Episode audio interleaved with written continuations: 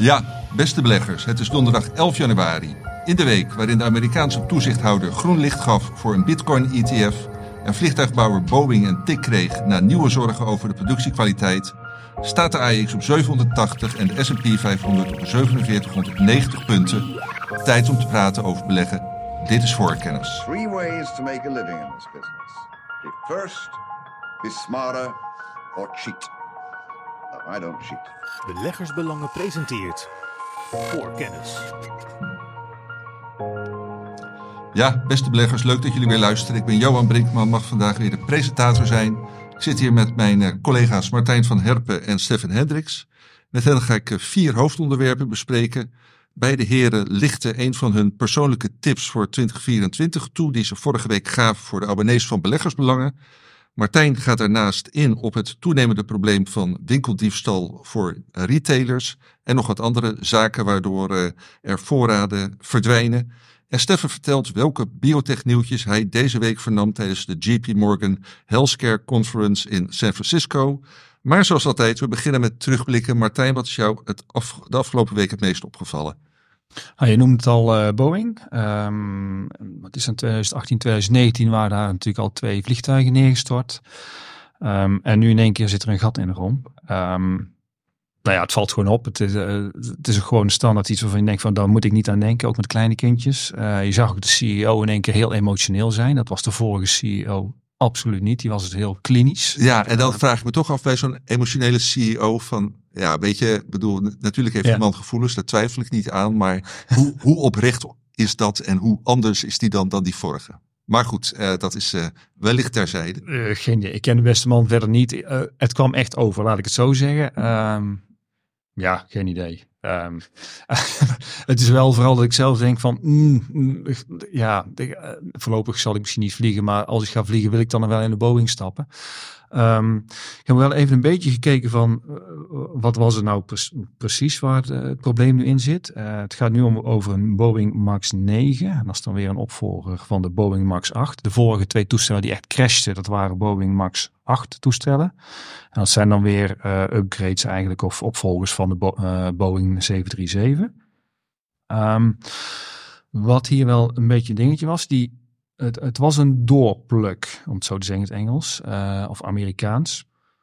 Waar het probleem in zat. En dan denken we, nou, oh jee, is dat een groot probleem? Um, die, deuren, die, um, of die plugs, die worden al tientallen jaren gebruikt. Dus in die zin zou je zeggen van, nou, technologisch is dit mogelijk niet een groot issue. Is hier gewoon bij het vliegtuig zelf iets niet goed gegaan.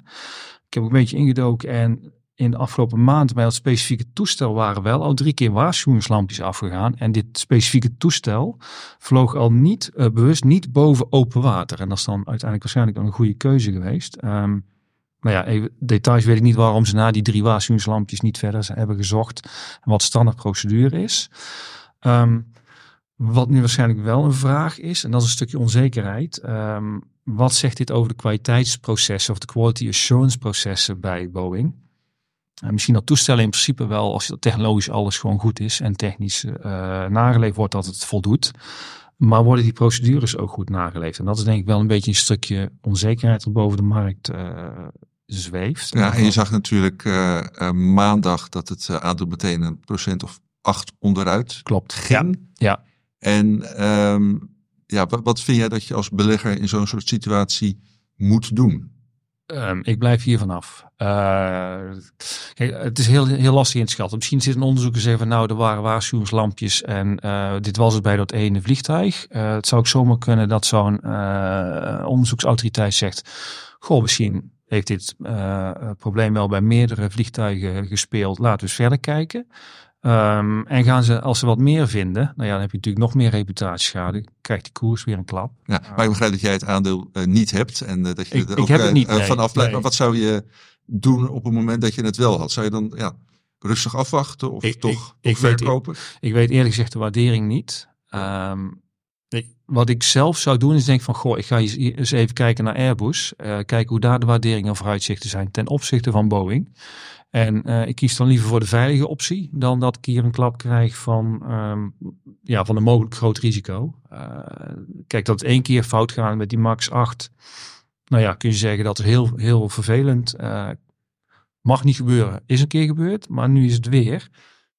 Kennelijk hebben we in het verleden ook niet geleerd uh, van de fouten. Nou, dat zegt misschien ook iets. Het zijn allemaal een soort van rode vlaggen. En ik hou gewoon niet van bedrijven waar veel rode vlaggen bij Nee, zijn. helder. Dus dat ze, ja, als investeerder heb ik zoiets van uh, voor lange termijn zekerheid. En uh, probeer je vooral je verliezen te vermijden.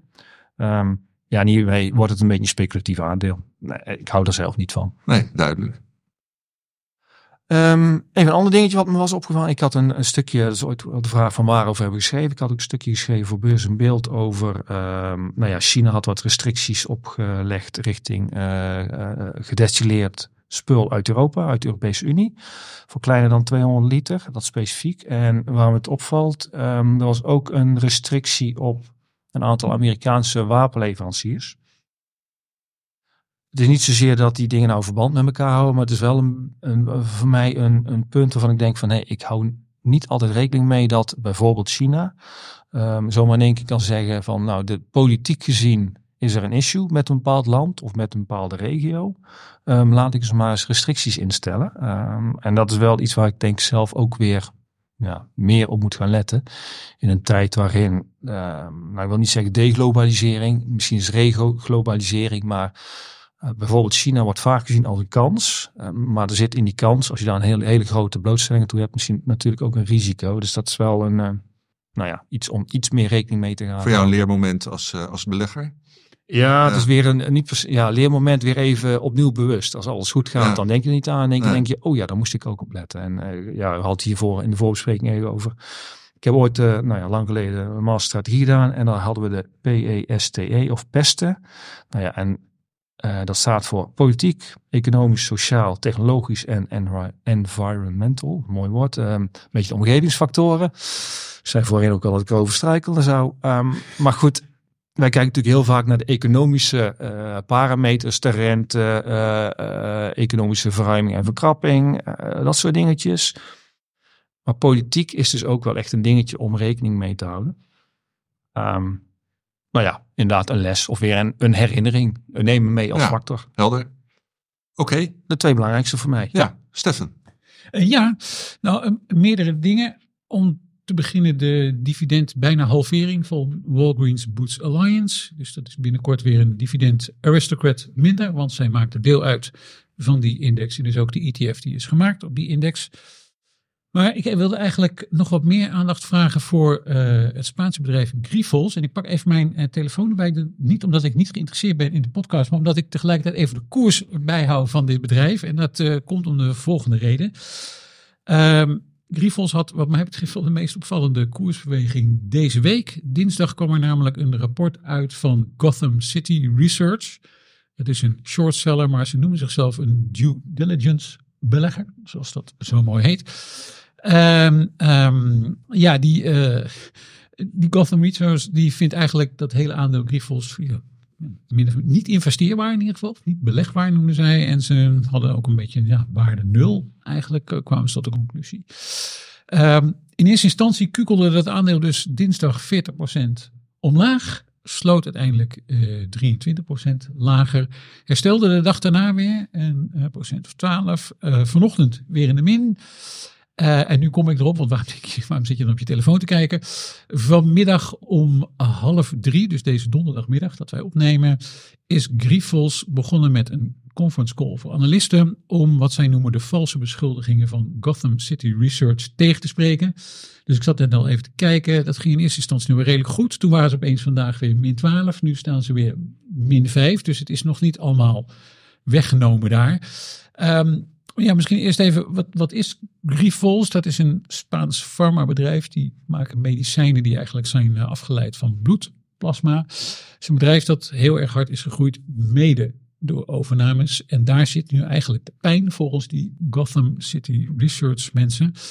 Want, zeggen zij, um, ja, niet alleen is de schuld eigenlijk veel harder opgelopen bij Grifols dan officieel wordt vermeld. Dus de schuldratio, dat zeggen, de netto schuldpositie gedeeld door de EBITDA, operationele winst, verminderd met afschrijvingen, of sorry, met afschrijvingen en amortisatie immateriële activa.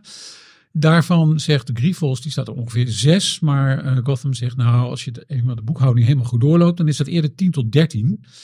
En een ander probleem wat zij zien heeft te maken met de consolidatie van dochterondernemingen die eh, wel winstgevend zijn, maar die al eigenlijk verkocht zijn door Grifols aan een ehm, bedrijf eh, dat heet uh, Scanton, als ik het goed zeg. Ehm, en dat is een familieholding van die familie Grifols, gevestigd in Amsterdam, uiteraard, zoals dat gaat met dit soort holdings. Waardoor eigenlijk uh, Grifols dat niet zou mogen consolideren volgens Gotham.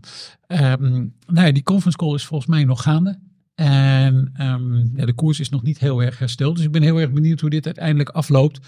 Gotham heeft al eerder een ja, bedrijf dat niet helemaal vergelijkbaar was, maar ook in de healthcare sector um, ook goed geïdentificeerd als een bedrijf dat helemaal niet klopte boekhoudkundig gezien, dat ook veel te hard gegroeid was door overnames en dat uiteindelijk ook verdwenen is van de Britse beurs.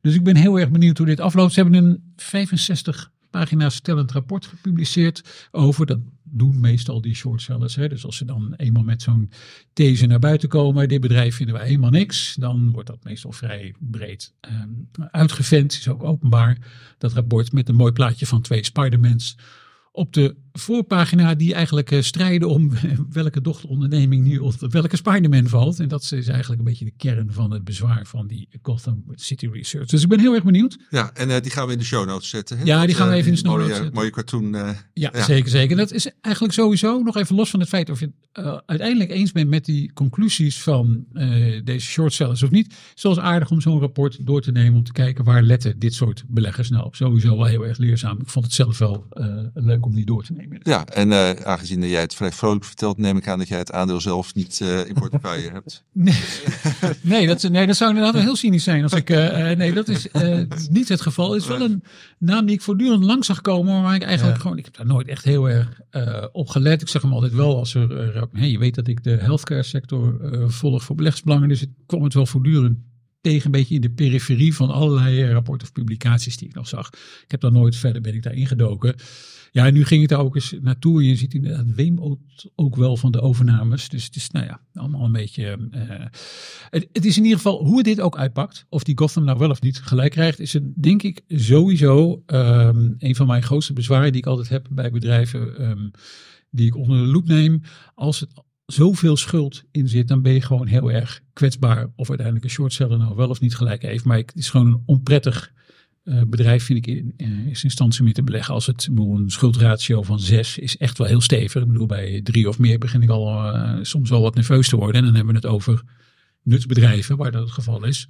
Ja, bij Iberdrola en Enel maak ik me er niet zo zorgen over. Maar bij dit soort bedrijven zou dat misschien nog wat anders kunnen zijn. Maar we zetten het in de show notes en dan kan ja. iedereen voor zichzelf uh, oordelen.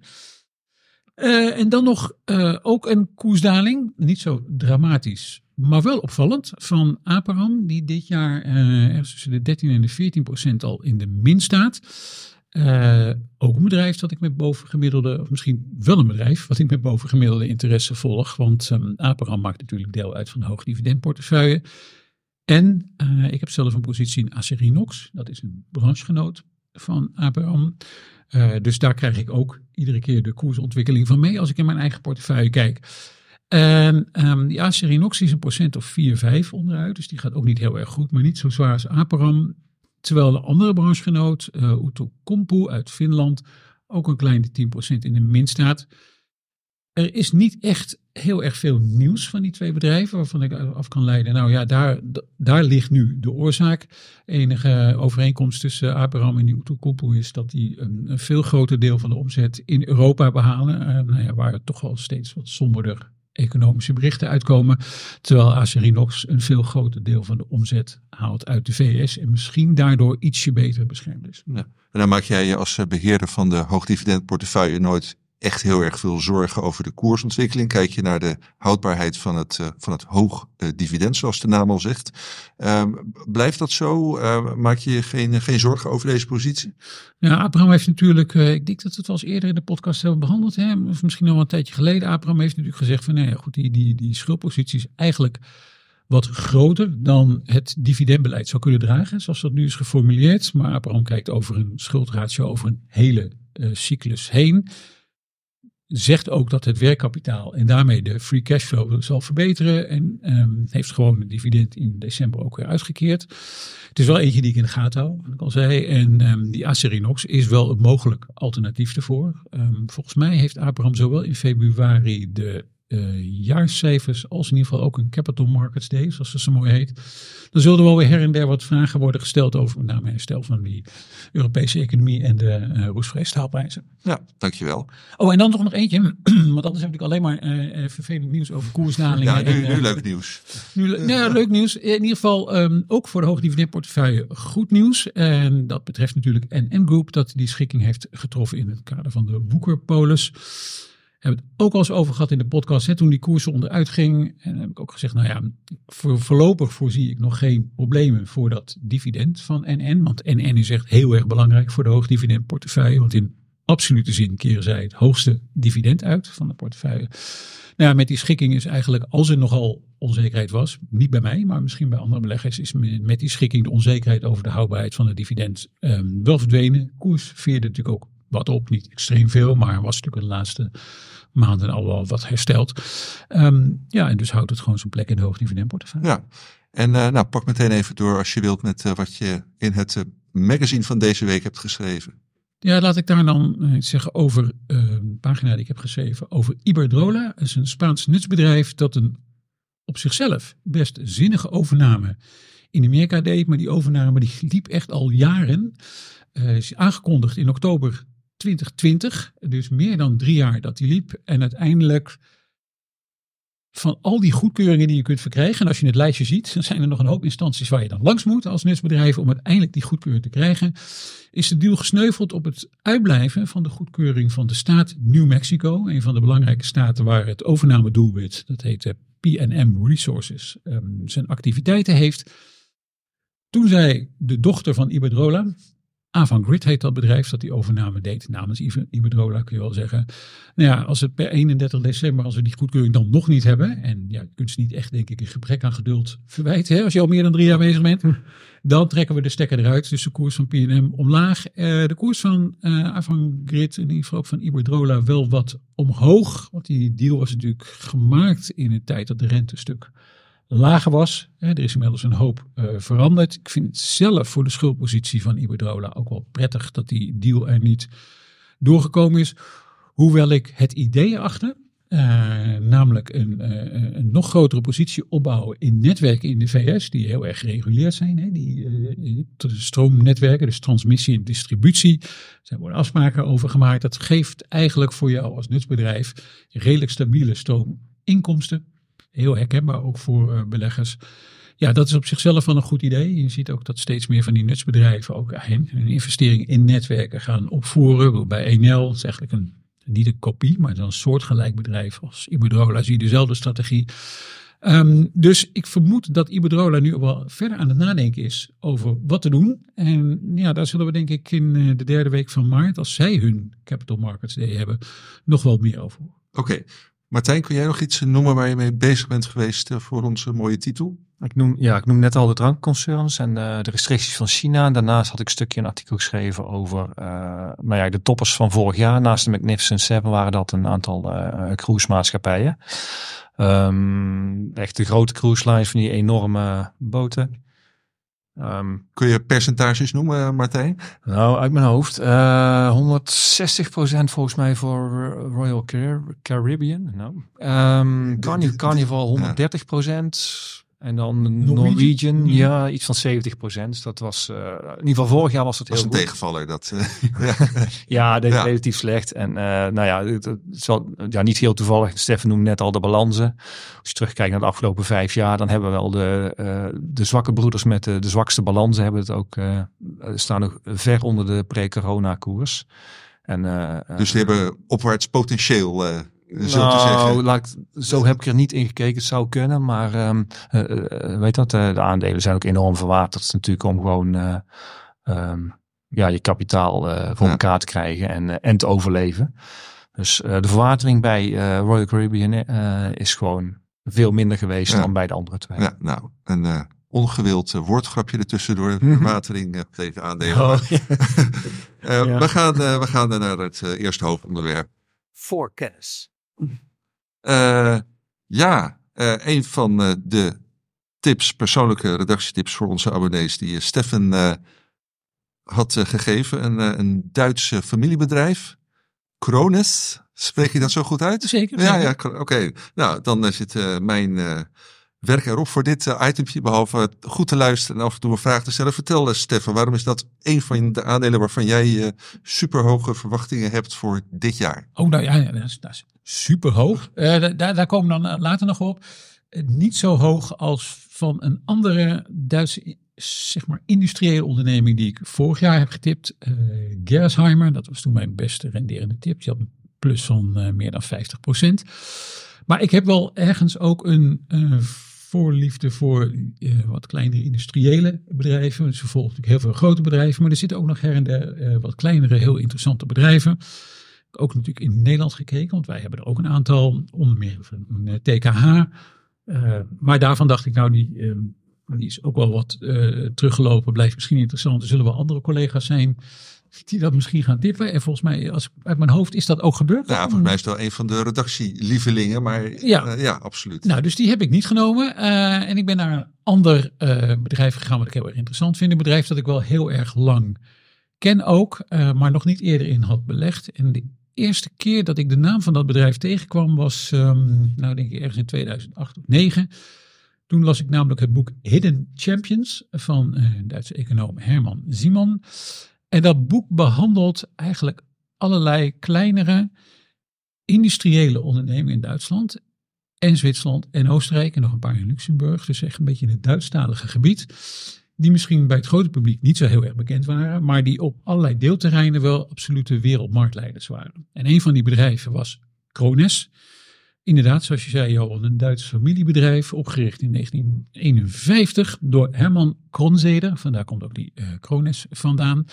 Eh, Herman is inmiddels niet meer onder ons, zijn zoon nog wel. En die is president-commissaris inmiddels van dit bedrijf. En de familie Kronzeder heeft nog altijd eh, zo'n ongeveer 52% van die aandelen in handen. Dus het is nog echt een familiebedrijf. Het is in 1984 naar de beurs gekomen, dus het is al wel een tijdje eh, beursgenoteerd.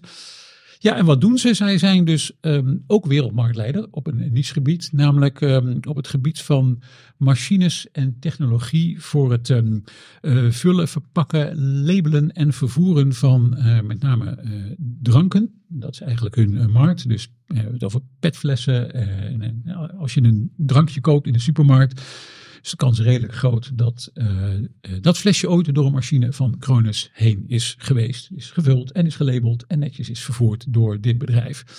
En daar zijn zij ehm, ook naar eigen zeggen de absolute marktleider in. Ehm, deze activiteit is goed voor ongeveer 80% van de omzet en 90% van de operationele winst. Ze maken ook nog wat apparatuur voor ehm, bijvoorbeeld voor bierbrouwers. om, een- bier te brouwen, daar zijn ze iets minder groot in.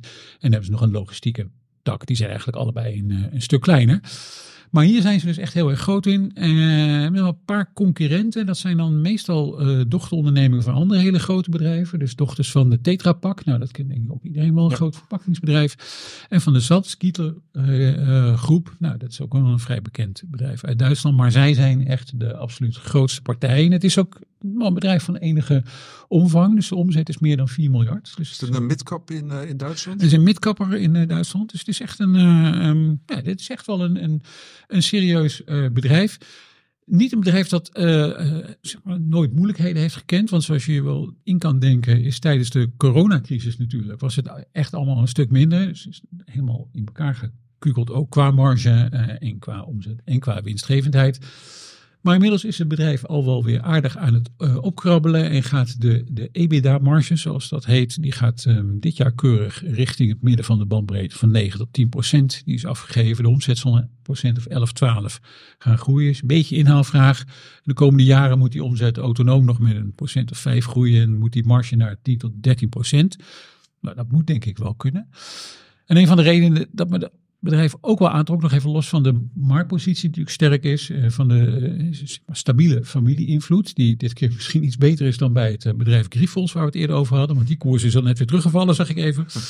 Ehm, is dat, eh, dat Krones heel veel heeft moeten investeren omdat ze ontzettend veel orders binnenkregen. En dat betekent dat je dus heel veel werkkapitaal hebt. Nou, dat zorgt dat ehm, eh, over de eerste negen maanden van vorig jaar er een negatieve free cashflow was. Dat is meestal natuurlijk geen goed nieuws. Hè? Je wil natuurlijk dat een bedrijf gewoon cash genereert en dat kan uitkeren.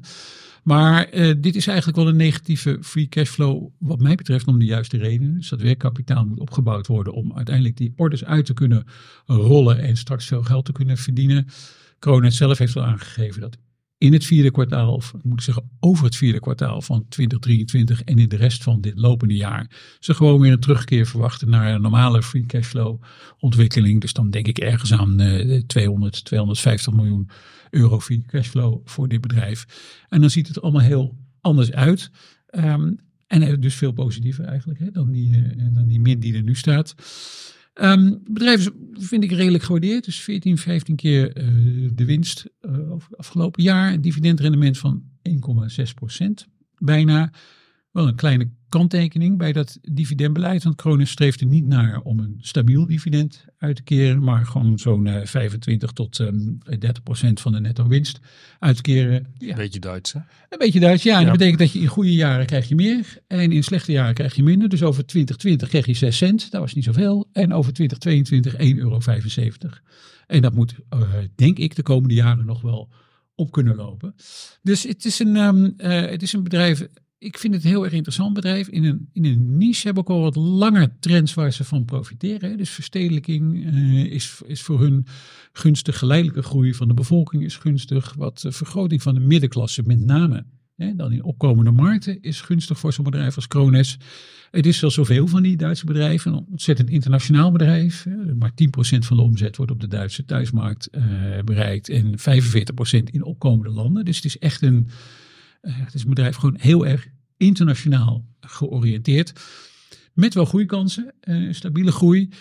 Het zal geen Gerresheimer worden, denk ik. Dus ik verwacht daar voor dit jaar. ehm eh, je begon volgens mij. Super, nou super? Ja, nee, maar daar wilde ik jou inderdaad naar vragen. Want ik eh, overdreef natuurlijk eh, eh, schromelijk of ik legde de lat eh, eh, veel te hoog. Maar wat, wat, wat kun je als belegger, behalve dat eh, dividend hier dan eh, ja, wel van verwachten, of nog meer van verwachten, komende twaalf maanden? Nou ja, en alge- ja, ik beleg zelf eigenlijk wel voor wat langer dan 12 maanden. Dus heel veel van de tips die ik in portefeuille, die, die ik noem, die heb ik ook echt langer in portefeuille. Dus een KLA, die had ik al jaren in, in portefeuille. Gerresheimer had ik, heb ik en houd ik. Ook nog de komende tijd. Dus dat geldt ook voor die Krones. Maar op het moment dat zij hun doelstellingen waar kunnen maken, dan eh, eh, moet dat aandeel inclusief dividend. Ja, je moet een, eh, ik kijk zelf naar wat, ik, wat ik mooi zou vinden als de cyclus niet heel erg tegen zit, de economische cyclus, moet ergens tussen de 10 en de 20 procent in 12 tot 24 maanden behaald kunnen worden. Eh, het is trouwens wel een goede vraag van je, Johan. Ik ben met al mijn tips wel wat ietsje voorzichtiger dan, eh, eh, dan vorig jaar. Dus ik heb nu ook al wat eh, een aantal defensiever georiënteerde bedrijven ertussen zitten. Omdat ik niet helemaal dezelfde overtuiging heb als vorig jaar. Toen ik dacht van nou, er is een aantal, een heel slecht beursjaar gehad. En een aantal bedrijven vond ik er dusdanig aantrekkelijk voor staan weer. Dat ik dacht nou, daar, daar kan ik ietsje meer risico mee nemen. Dus ik heb nu geen verwachtingen van een plus 50 van een Krones. Dat zou me heel erg verbazen. Het is een, ja, het is niet voor niks een, zo'n familiebedrijf dat al, al lange tijd eh, redelijk stabiel groeit. Af en toe natuurlijk het tegenval in de cyclus heeft. Maar ja, dat kan ook niet anders als je dit soort producten aanbiedt. Maar wat ik dan wel weer interessant vind, het, het is en het was eh, een wereldmarktleider. Een partij die dus op het moment dat die markt groeit en die markt voor frisdranken en allerlei andere soorten dranken, eh, die blijft wel redelijk groeien, denk ik. Ja, is het een partij die daarvan gaat profiteren. Ja, nou, hartstikke helder. eh, Ik- dankjewel. Ik, eh, ik herken Stefan. trouwens wel, eh, de, de, de echte koopjes kon ik ook eh, best lastig vinden met het zoeken naar tips. De- Ja. Drie maanden geleden waren er genoeg. Ja, en, en dit bedrijf is redelijk, die hebben namelijk geen top 2023 gehad in termen van rendement. Een paar Ja. procent hoger. Eh, dus het was ook niet zo'n slecht moment, denk ik, om Nee. ze te kopen. Nou, bij jouw tip komen we aan het eh, einde van deze uitzending, eh, Martijn. Eh, dankjewel, eh Stefan. Voor kennis. Ja, ik eh, zei eh, Martijn eh, om, om een beetje snel van af te zijn in zijn inleiding winkeldiefstal. Maar eh, het onderwerp is, eh, is breder wat jij eh, hebt aangedragen. Kun je daar iets, iets over toelichten? Ja, de, ehm, we hebben natuurlijk vaker, zeker ook Menno heeft het wel gehad over de term eh, shrink, shrinkage. Ehm, en, en dan wordt er va- va- vaak gedacht aan diefstal. Nou klopt dat ook, alleen eh, als je technisch kijkt naar de definitie, dan is het meer dat je zegt van eh, alles wat we, nou verwachten een bepaalde omzet en wat we daarop tekort komen, dat is eigenlijk shrink. En dat eh, heeft dan meerdere oorzaken. Kijk, winkeldiefstallen, dan denk ik zelf in de eerste plaats aan nou ja, een klant die iets onder zijn jas stopt, om het heel vrij te vertalen. Ehm, als we iets breder kijken, pak ik even mijn lijstje, erbij. Ehm, ik- het is natuurlijk gewoon de, de winkeldiefstal door de klant. Ehm, maar zeker ook diefstal door medewerkers. Dat is, nou, ik, was toevallig ehm, voor Walmart aan het kijken. Daar was eh employee theft, eh, theft eh, oftewel diefstal door medewerkers, lag op 43% En dan 43% van het totaal. Van, van de shrinkage. Ja, ja, ja. Dus dan eigenlijk medewerkers, volgens mij ook wel een algemene stelregels. Medewerkers nemen meer mee naar huis dan klanten zonder ervoor te betalen. Oké, Dus dat is wel even, en die zit wel ook in, als je het puur hebt over shrinkage, zit die daar wat in. ja. Wat daar ook in zit, is bijvoorbeeld eh retourenfraude. Eh, en dan denk je, waar hebben we het dan over? Dat, nou, hebben we ook diverse varianten van, maar dat is frauduleuze bonnetjes. En dat je, of bijvoorbeeld dat je zegt, ik koop een artikel in de, in de aanbieding en vervolgens ga ik met een netbonnetje ga ik terug om een week later of twee weken later van, goh, ik heb dit eh, betaald. En dan is het een bonnetje dat niet meer eh, de aanbiedingsprijs heeft. Dus eh, nou, kijken we naar Walmart, dan is dat, was dat 5,5 procent. ja en di- dit gaat dus alles bij elkaar om, om grote bedragen. Ja, toevallig was eh, Jumbo was ook, eh, ja, ja, dat staat gewoon op de nu.nl en nos.nl, hè. Ja. Eh, 100 miljoen aan omzet eh, eh, of aan winst gemist ehm, door de diefstal. En dat was ook meer dan de winst onderaan de streep bij, bij Jumbo. Dus dat, dus dat er- gaat al significant. Ja, eh, dus bij de ene grootste supermarkt van Nederland wordt minder winst gemaakt dan dat het door, diefstal en andere zaken uit het schap eh, verdwijnt. Ja, ik, ik wil daar wel een beetje een kanttekening maken, want ik, eh, diefstal is een, of nou, shrink, laat net Ja. welke term meer gebruikt, is natuurlijk gewoon een kostenpots. En onderaan de streep moet er het een en ander overblijven. Ik kan me indenken als eh, er minder diefstal is, Ja. dat eh, winkelketens of retailers in, in brede zin gewoon ook iets meer ruimte hebben om de prijzen te verlagen. Ehm, dus de vraag is, gaat dit ten koste van ehm, de retailer zelf of gaat dit ten koste onderaan de streep eh, van degene die eh, wel netjes alles betalen? Ja, Dat, dat is even een beetje de vraag, maar dat om grote bedragen ja maar het gaat dus is voor grote bedragen. Ja. ja, ik heb ook, ehm, nou, er is wel een, een mooi overzichtje van eh, de Amerikaanse retailers. Ehm, en nou, als je gewoon zegt van het afgelopen decennium, grofweg tot aan 2020, eh, gingen ze een beetje uit van 1,4% van de omzet in de VS gaat op aan shrinkage. Ehm, en nou ja, even goed kijken, kleine lettertjes en mijn lenzen zijn nog niet binnen. Maar een beetje om een indicatie te geven, als ik het goed lees, dan is eh, in 2018 was het nog 50 miljard eh, geschatte verlies voor de totale retailmarkt. Eh, de jaren daarvoor lag het ietsjes lager. Nou ja, in 2019 ging het al richting de 60, 62 miljard. In 2020 al 90 miljard. En 2021 93 miljard. 2022 naar 112 miljard. Dus je ziet echt wel in die paar jaar tijd ruimschoots een verdubbeling. En ook voor 2023 merk ik wel, ik, eh, ja, niet alle cijfers zijn binnen. Ehm, ik heb bijvoorbeeld Ahold ook weer nog even teruggekeken, omdat natuurlijk een Nederlands bedrijf is dat veel mensen volgen. Daar staat ook wel heel nadrukkelijk in. Eh marges, dat was de Q3-update van november. Marges zijn kleiner, onder andere door de toename van shrink. Dus het is wel degelijk een, Ja, het neemt toe en dat is toch eh, de voor de hand liggende vraag, waarom neemt het toe? Want eh, ja, diefstal is toch eh, van alle tijd. En, eh, Ja, nou, het is een mooi bruggetje. Dan pakken we die eerst. Wat zijn eigenlijk de oorzaken van diefstal? En dan komen we vervolgens op ehm, eh, ja, waarom dat het vermeerdert. Ik had een survey ergens online gevonden. was wel leuk. een survey onder winkeldieven van waarom stilte? Nou, nee, even uit mijn hoofd. Het was een, ehm, een, een survey onder, ik dacht een steekproef, hè, eh, onder 2000 eh, eh, mensen van boven de 16. Daar was aan gevraagd van, heb jij wel eens ooit iets gestolen? En dan was het antwoord, 10% van de mensen zei ja. Nou ja, en dan vervolgens is de vraag, en waarom is dat? Nou ja, en er zijn drie redenen eigenlijk. Ehm, en ook afhankelijk van de reden kun je er iets aan doen als winkel of niet? 20% was, ik doe dit voor de kick. Nou ja, dan kun je volgens mij maatregelen nemen wat je wilt. Uh, misschien dat de pakkans iets groter wordt, maar iemand die het voor de kick doet, ja, die zal het waarschijnlijk blijven doen. Die doet het alleen maar meer, denk ik, naarmate het moeilijker wordt. Maar goed. Ja, misschien dat is even, maar dat, Ja, dat, dat ja. wordt even lastig. Eh, en, en dat is denk ik van alle tijd. En het zal niet uitmaken of het economisch goed gaat of economisch lastiger is. Ehm, dat maakt wel uit voor een gedeelte, eh, en dat is ongeveer de helft, die zegt van ja, ik heb gewoon het geld niet om al mijn boodschappen te betalen. En dan kun je wel voorstellen, we hebben natuurlijk een, een, een periode gehad met heel veel inflatie. Nou ja, als de lonen wel verhoogd worden met 10%, maar een jaar later, terwijl de inflatie het jaar ervoor 10% is, en je hebt er moeite met rondkomen, dan kom je gewoon ergens, heb je, eh, ja, kom je iets tekort. Dus dat is gewoon een duidelijke reden. Als het economisch slechter gaat, mensen moeite hebben met rekeningen betalen, ehm, nou ja, dan neemt het gewoon toe. Ja. Ik zat ook Eh, nog te denken, Martijn, dat ja. misschien een eh, het personeelsbeleid van die retailketens daar ook wel een beetje een rol bij speelt. Hè? Wat minimalere bezetting. Volgens mij heeft Menno het wel eens over Dollar General gehad. En ik heb er ook wel eens op de, web wat van gezien. Ja. Eigenlijk heel weinig mensen, waardoor de be- bescherming tegen winkeldiefstal eh, gering is. En in Nederland zien we natuurlijk heel veel zelfscan kassa's. Ja. Eh, ja, waar misschien mensen ook wat meer mogelijkheden hebben om dingen mee te nemen. Ja. Waardoor je als supermarkt toch ook weer geconfronteerd wordt met dit soort zaken.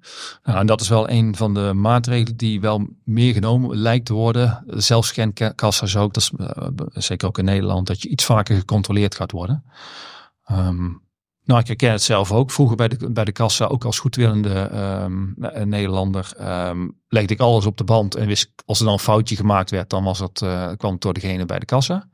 Nu heb ik zelf ook wel eens met scannen, dan denk ik eh, dat gecontroleerd wordt. Nou ja, het is ook één of twee keer overkomen. Dan denk ik, oeps, dit heb ik echt per ongeluk. Dus jij maakt deel uit van de Per ongeluk niet. Ja, ja, nou Ja. goed. ja. Ehm, goed dus ja, ook ongelukjes. Kijk, dat is natuurlijk ook schrink. Dat is niet bewust diefstal, maar dat is ook een van die posten die, nou ja, het, het gebeurt je wel eens ooit met de laatste keer eh, eh, ja, klein kindje op de, dat nog aan het jengelen is en de laatste boodschappen had ik niet eh, eh, gescand. Ja. Ja, ja, ja, meneer Van Herpen. dat is zo. eh. Oké, Nou ja, Ehm, eh, wel terecht één punt. Eh, ik kwam ergens als een van de oorzaken wel tegen. De omzetten zijn gestegen. Eh, personeel is zeker niet meegegroeid ook eh, ehm, eh, in verhouding. En ik denk zelf, ik heb zelf ook wel in de supermarkt eh, ja, een jaar of elf gewerkt. Ik merkte wel, als je meer in de supermarkt rondloopt, ehm, je, je kent je klanten beter. Plus er is meer toezicht. In mijn beleving is dat echt wel een factor die eh, helpt bij het reduceren van je, ehm, ja, je, dan heb je echt over de winkel diefstal. Ook omdat ik, nou, ik herken zelf van, eh, eh, je wist bij bepaalde mensen, die moet ik even extra aanspreken of gewoon eens eventjes eh, een keertje langslopen. Ja, nee, gewoon concrete voordelen. Ik, ik liep vaak in, in, bij de groenten. Dan zag je gewoon dat mensen drie witlofjes op de weegschaal legden. Nou ja, even afwegen en in één keer zaten er vier of vijf witlofjes in. Nou ja, dan hoef je maar een keertje een beetje extra langs het wa- winkelwagentje te lopen en een keer te kijken. En dan zie je mensen met een zakje teruglopen. Dan weet je genoeg. Ehm, dat is misschien wel ook eventjes eh, richting van wat preventieve maatregelen. Nou, ik mis trouwens nog één factor. Even kijken, ik had nu ehm, genoemd waarom mensen jatten. Ehm, kan niet betalen. Ik had genoemd eh, de kick. En oh ja, dat is wel één stukje is ook gewoon echt de bewuste criminaliteit. Eh, en dat is eigenlijk gewoon stelen om het vervolgens ergens weer eh, in de verkoop aan te bieden. Ik kan me indenken, ik, heb wel geleerd dat eh, voor criminelen het is gewoon de business case. Ehm, als ik steel onderaan de streep is dat winstgevend, dan doe ik het. Ehm, als ik ga stelen en ik eh, word te vaak gepakt, dan is het misschien de business case lastiger. Dus nou, als je dat ook kunt voorkomen, dan is dat beter. Ja, ik bedoel, je breekt mijn fantasie op hol. Maar zijn er nou gewoon, ik noem maar wat, bendes die echt een businessmodel hebben gemaakt van het op grote schaal stelen van winkelvoorraden? Ik ehm, doe ik een aanname. Ik denk dat het, eh, nou ja, bendes, kijk, dat klinkt meteen als heel zwaar georganiseerde Nou ja, eh, criminaliteit. organisaties. Ja, eh, dat is ook weer de definitie wat een criminele organisatie. Maar goed, eh, ik merkte wel dat ehm, bij Target was dat eh, een van de items die ik niet had verwacht, dat eh, veel werd gestolen en, en vaker achter slot en grendel of gewoon achter een, eh heet dat, beveiligingshekje eh, geplaatst was, zoals wc-papier. Ja, dan denk ik ehm, voor mezelf, als ik kijk hoe, hoe lang een gezin met één pak doet, eh, Ja, dan moet je haast een buslading hebben. ehm, of een bus hebben om, om dat mee te nemen. Ja. Ehm, ja, ik denk dan, dan moet je haast wel een businessmodel bij hebben. Om grote hoeveelheden kwijt te kunnen. Ja, Want ja. als... ja, Anders gaat Ik- het wel ik- erg eh, langzaam. Dat, eh, ja, ja, als individu is dat niet te doen. Dus, ja, nee.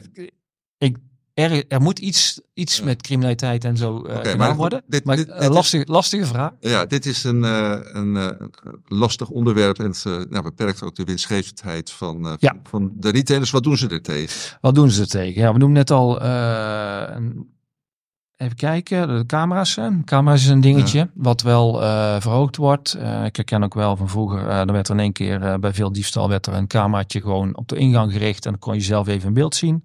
Dan wist je van ik word opgenomen. Ik heb zelf wat ervaring met ook bekijken van camera's op ander gebied. Er is denk ik ook, je moet er niet te veel van verwachten. Het is ook een enorme kostenpost. Eh, je moet die dingen installeren en je moet ze afkijken en toezicht houden. Maar het schrikt mensen wel af, want het is een soort van preventieve werking. Dat is een dingetje. Waar ik zelf dus niet alles van verwacht. Ik noemde eigenlijk al eh, extra personeel. Ehm, en wat ook een dingetje is, gewoon extra personeel aannemen ter beveiliging. Dat kun je als intern bedrijf doen. Of externe bedrijven daarvoor inhuren, is wel een dingetje. Opleiden van eigen medewerkers. Dat is ook wel een dingetje van ehm, hoe moet je nou omgaan. Ik, noem net het voorbeeld van die witlofjes. Ja, wat, wat doe je? Laat je nu die persoon langs de kassa lopen en zeg je dan je bent betrapt, hier heb je een boete.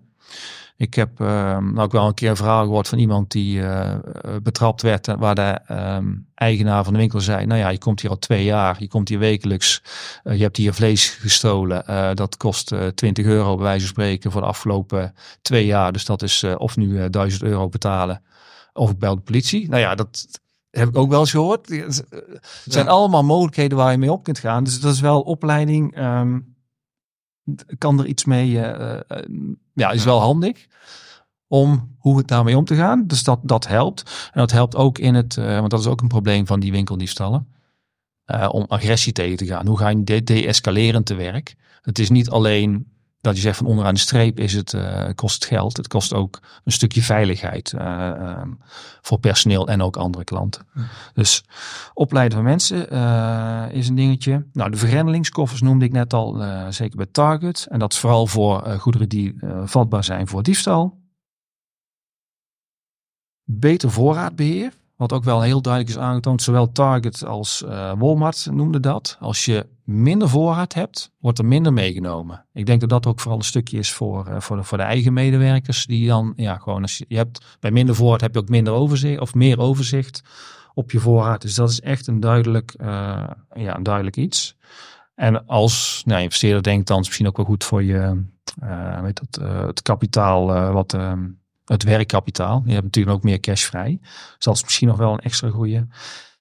En waar ik fan van ben, en ik heb er nog niet eh, bedrijven bij gezocht, maar ehm, wat denk ik wel een hele interessante is, en dat is eh, technologie, slash eh, zelfs cy- cyberdefensie technologie.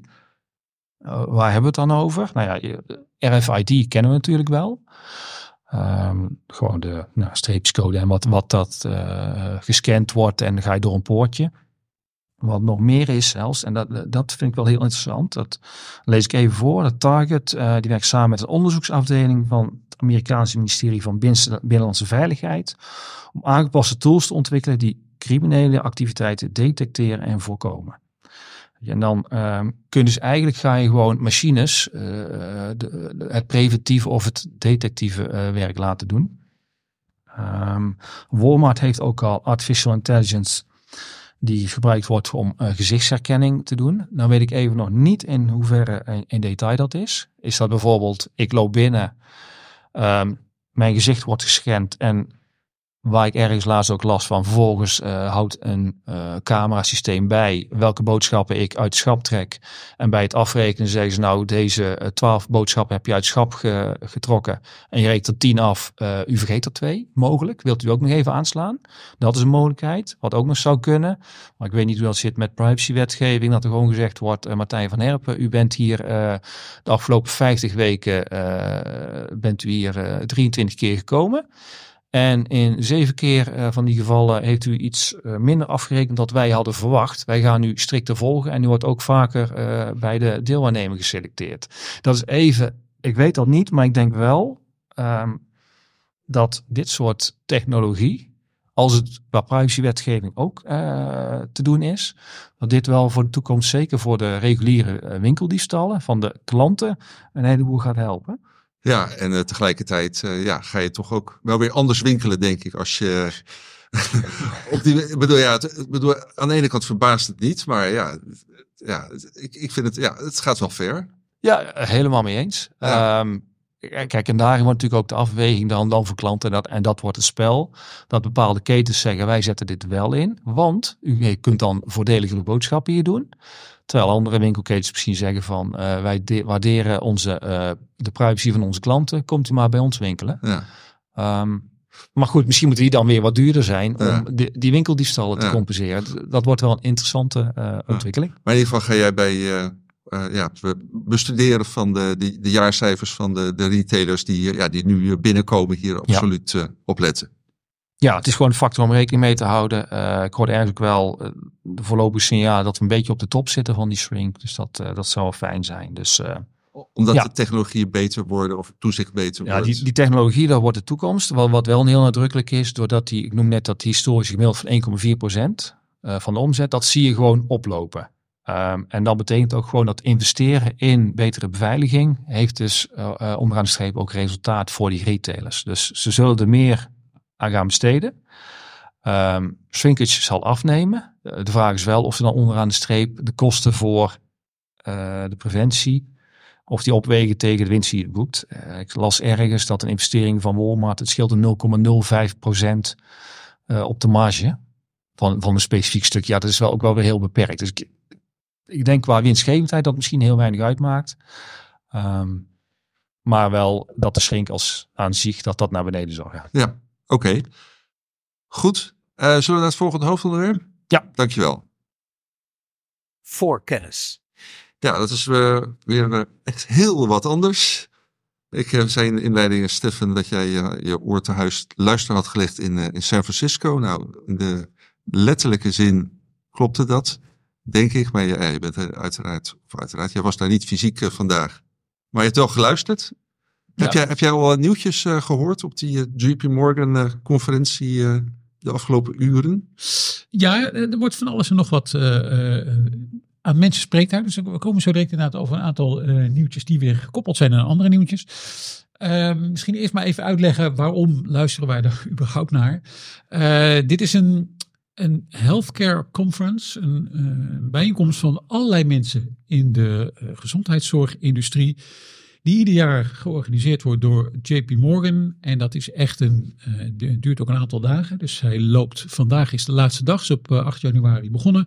En daar komt eigenlijk eh, eh, iedereen. de- hoe is hoe. Hè, uit de sector gezondheidszorg. Dus iedereen spreekt daar. Dus ook de grote eh farmabedrijven. En alle andere bedrijven die in healthcare en gezondheidszorg dus actief zijn. En waarom kijken beleggers daar nou ook nog een beetje naar uit? Omdat het traditioneel ook wel een conferentie was waar heel veel overnames werden aangekondigd. En met name in de biotech-sfeer. Ehm, dus dat was altijd zo. Alleen de afgelopen jaren, en met name vorig jaar, was de stemming wel wat bedrukt. Want die hele biotech-sector lag er natuurlijk onvoorstelbaar beroerd bij. Beetje een korte geschiedenis misschien geven daarvan. In, in corona, door de, zullen maar zeggen, over de euforie over die mRNA-vaccins en de lage rente, ehm, was biotech natuurlijk heel erg in trek. Biotechbedrijven zelf konden zich makkelijk financieren. En die hadden dus eigenlijk Big Pharma niet echt nodig. En wat ook heel erg makkelijk te financieren viel, waren zogeheten early stage bedrijven. Hè? Dus bedrijven met, met een idee, of misschien wat, wat enige eh, onderzoek en ontwikkeling, maar nog niet een product dat heel ver in die testfases zat.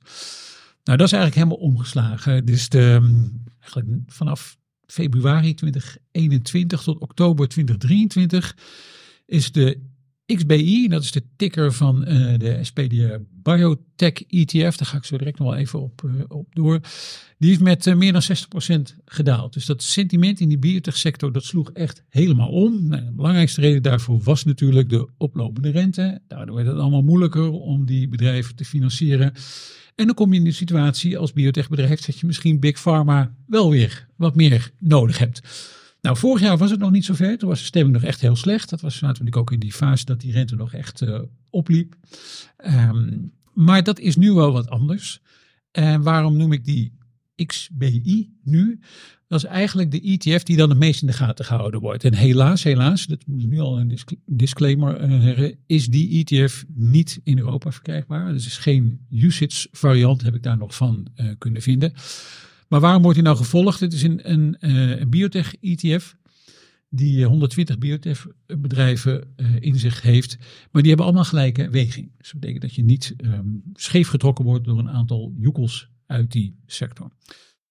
Ja, dit jaar, wat waren er dan allemaal voor nieuwtjes dit jaar van allerlei mensen die daar eh, spreken? Nou, het is een beetje in de periferie, maar voor mijn persoonlijke portefeuille, voor iedereen die dit gevolg heeft, misschien dan nog wel interessant, is dat de topman van Novo Nordisk daar ook sprak. Hij sprak onder meer ook over ehm, die dieetmedicijnen, hè, de obesitasmedicijnen. Ja, de, de Holy Grail, daar hebben we het in de podcast al eerder over gehad, is om dat wat nu nog ehm, via injectie toegediend moet worden, om dat dan uiteindelijk in pilvorm te krijgen.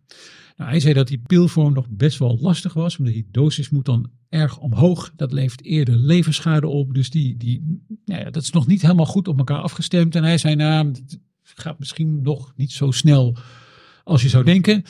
Nou, dat was dan voor mijn portefeuille wel gunstig, want Gerresheimer is een van de partijen die, die dat hele productieproces van die injectables, zoals dat heet, hè, al die injecties begeleidt. Dus die koers reageerde daar ook wel eh, redelijk op. Maar dat is eigenlijk meer in de periferie en niet helemaal leuk voor mij, maar eh, misschien nog voor een aantal anderen. Maar belangrijker denk ik nog is, eh, zijn die overnames.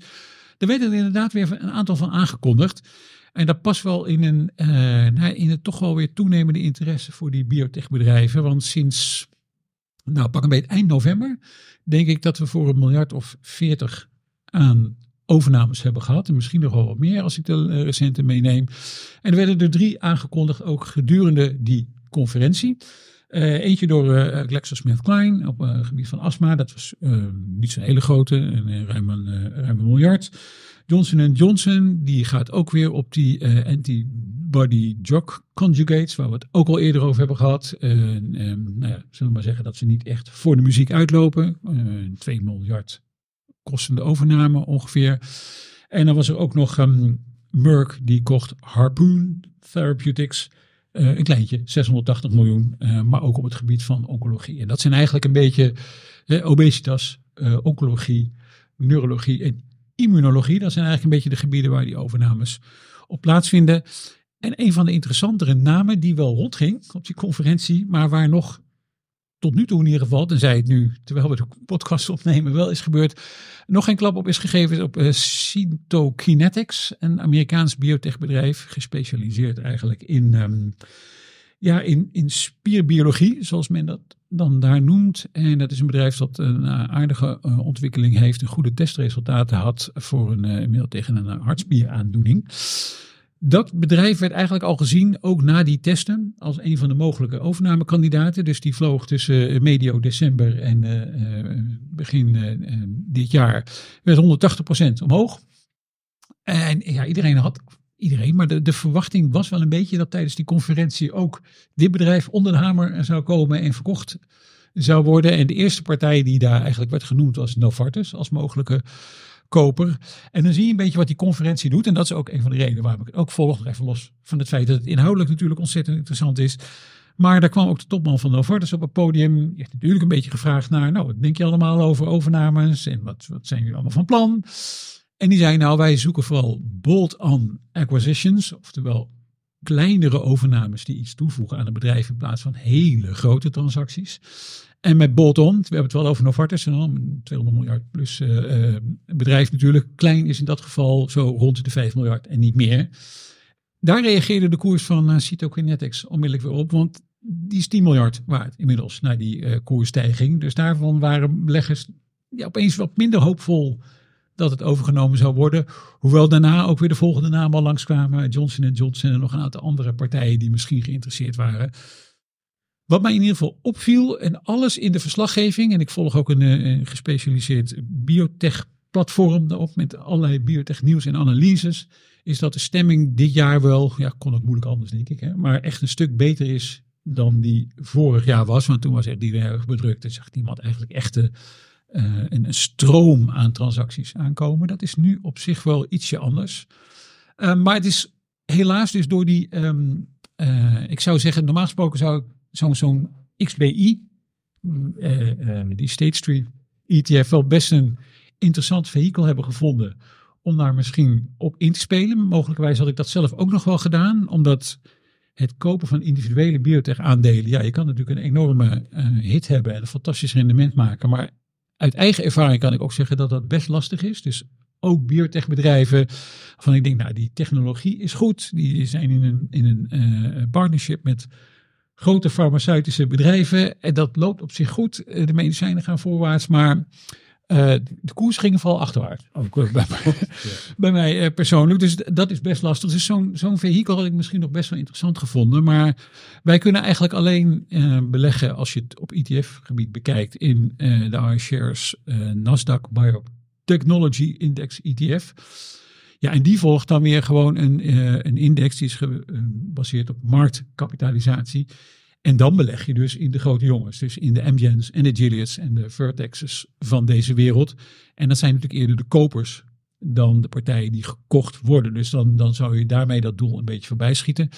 Dus ja, ik moet het denk ik een beetje doen met het in de gaten houden van die eh, XBI. Die sinds eh, eh, begin december ook al aardig hard is opgelopen. Toen al die deals werden aangekondigd. Ehm, maar ik blijf sowieso, ook omdat ik natuurlijk de farmasector volg voor beleggersbelangen, dit wel in de gaten houden. Maar ik vind het wel, nou, het, het, het verraste niet, maar het was in ieder geval wel interessant om te zien dat de, de stemming onder, ehm, eh, of in de sector gezondheidszorg wel wat anders is dan een jaar geleden. Nou, en dat is eh, in ieder geval ook, eh, ook goed nieuws. Dankjewel, eh Steffen. voor kennis.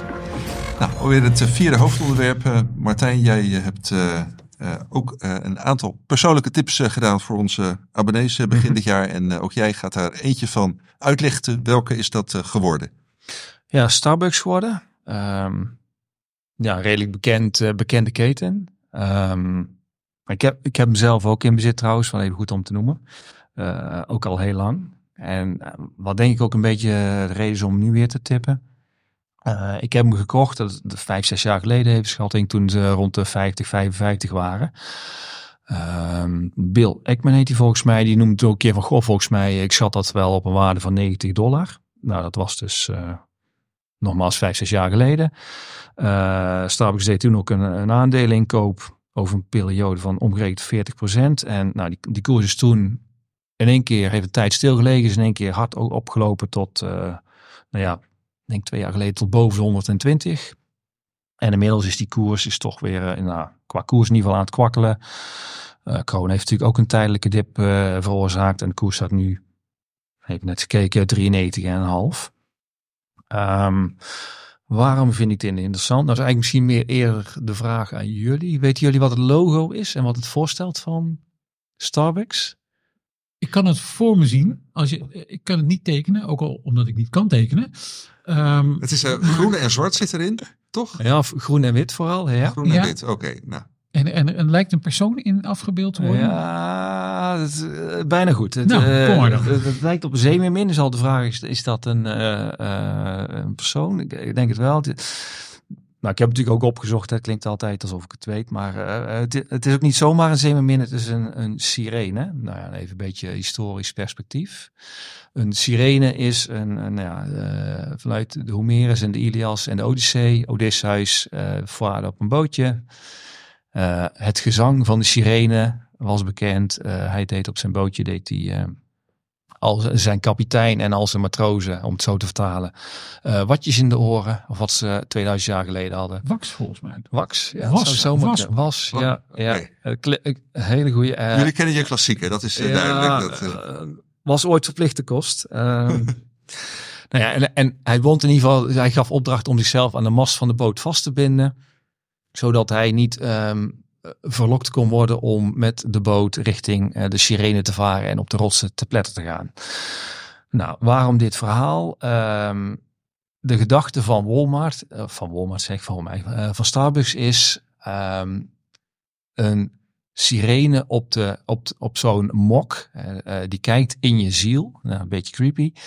Ehm, maar wel de- bij je voorgrond. ja, ja, ja.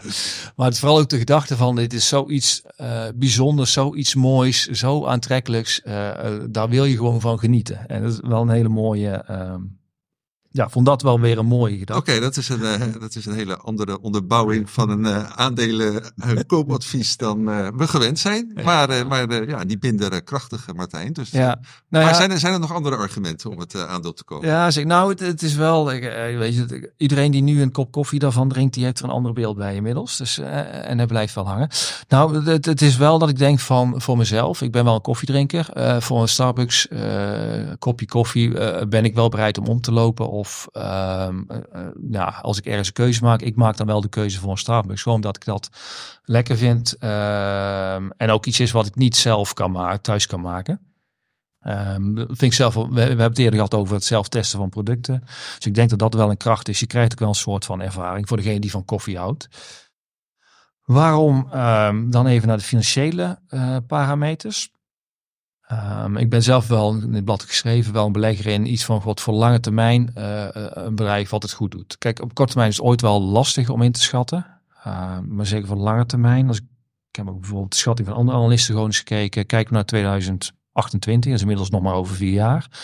Dan schatten ze een winst per aandeel van eh, nou, een kleine 8 euro, eh 8 dollar.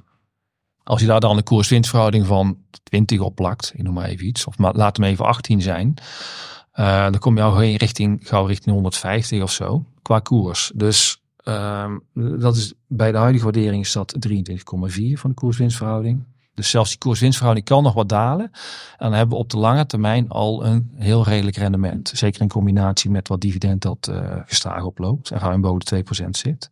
Als die winstgevendheid inderdaad blijft toenemen. Ja, dat, dat- Ja. ja. dat klopt. Ehm, maar stel dat nu de winst bij wijze van spreken gelijk blijft. Dan goed, krijg je ook altijd een beetje waardering. Maar stel dat de koers eh, gelijk blijft. Dan heb je in 2028 een koers-winstverhouding van 12 voor een bedrijf wat normaal gesproken hard groeit. Kijk, het is een heel voorspelbaar model. Ehm, ze willen de eh, omzetgroei per winkel willen ze nog, eh, nog aanjagen. Nou ja, daar moet een stukje omzetgroei vandaan komen. Ze willen wat kostenbesparingen doen. Dus iets, nou, ik ergens iets van 10% van de huidige kosten. Moet het mee naar beneden. Eh, Goed, dat is een eenmalige actie. Uh, vervolgens ook, ze willen het aantal winkels, of de verkooppunten, ze willen uitbreiden van 38.000 naar 50.000 in 2030. Ehm, het zijn eigenlijk wel allemaal aanjagers voor in ieder geval de omzet. En normaal gesproken ook voor de winst. En daarmee ook de winst per aandeel. Ehm, ja, dan, denk ik van zeker voor de lange termijn is dit geen aandeel. Als je dat in portefeuille houdt, wat eh, als je dat langer aanhoudt, wat verlies gaat opleveren. Ik denk ze ook relatief ten opzichte van het verleden iets lager gewaardeerd zijn. Ehm, ze groeien ook iets minder hard ehm, dan in het verleden. Maar ja, gewoon alles bij elkaar denk ik van dit is een ja, relatief veilig, veilige, eh, veilige keuze. Net ook wat ik al zeg, die koers heeft al op 120 gestaan, is wat afgekomen. Ehm, ik voel me daar heel prettig bij. Ja, maar dan toch ook even, denk ik, dezelfde vraag als aan Stefan. Wat, wat verwacht jij dan, zeg maar, de komende twaalf maanden van dit aandeel qua, qua koerswinst, qua dividendrendement? Ja, nou, ik heb een beetje geschat van eh, dat ik denk van goh, de, de winst zal zo'n beetje 13% hoger liggen. Nou, tel er eens eh, alvast eens, nou, bij de huiskoers dan 13 dollar ook, omdat die richting de 100 is, sowieso al bij op. Tel er nog wat dividend bij op. Eh, en liever ook een iets hogere waardering. Dan denk ik dat je gauw al 110, 115 zit. Ehm, alleen al, ja, dat denk ik, eh, en dan zit je dan, wat zit je aan rendement? Zeker aan 25% zou dat hoger kunnen liggen in mijn beleving. Ehm, dus het is niet een super, super goedkoop aandeel. Maar ik denk wel dusdanig goedkoop in combinatie ook met de veiligheid eh, van het aandeel. Ja, maar dat proef ik dus ook bij jou van, eh, ja, gewoon wat minder hoge verwachtingen van eh, de aandelenmarkt dan een jaar geleden. Ja, ik merk gewoon bij ik best wel een aantal interessante bedrijven bekeken. En denk van, goh, drie, drie maanden geleden noemde ik al net. Dan was dat bij wijze van spreken een kans om daar eh 50, 60 procent mee te pakken. En dan kijk ik naar het aandeel en denk, oeps, ja, die koers is al met 50 of 60 procent gestegen. Dus ik heb ook, nou, het geldt voor Starbucks, geldt voor mijn andere tips.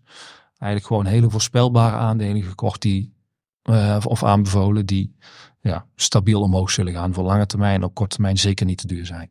Oké, nou, hartstikke goed, eh, Martijn, dankjewel. En eh, nou, ik zal jullie beide tips, de linkjes althans daar naartoe, in de show notes zetten als u nog meer wil lezen van de tips van Martijn en Steffen.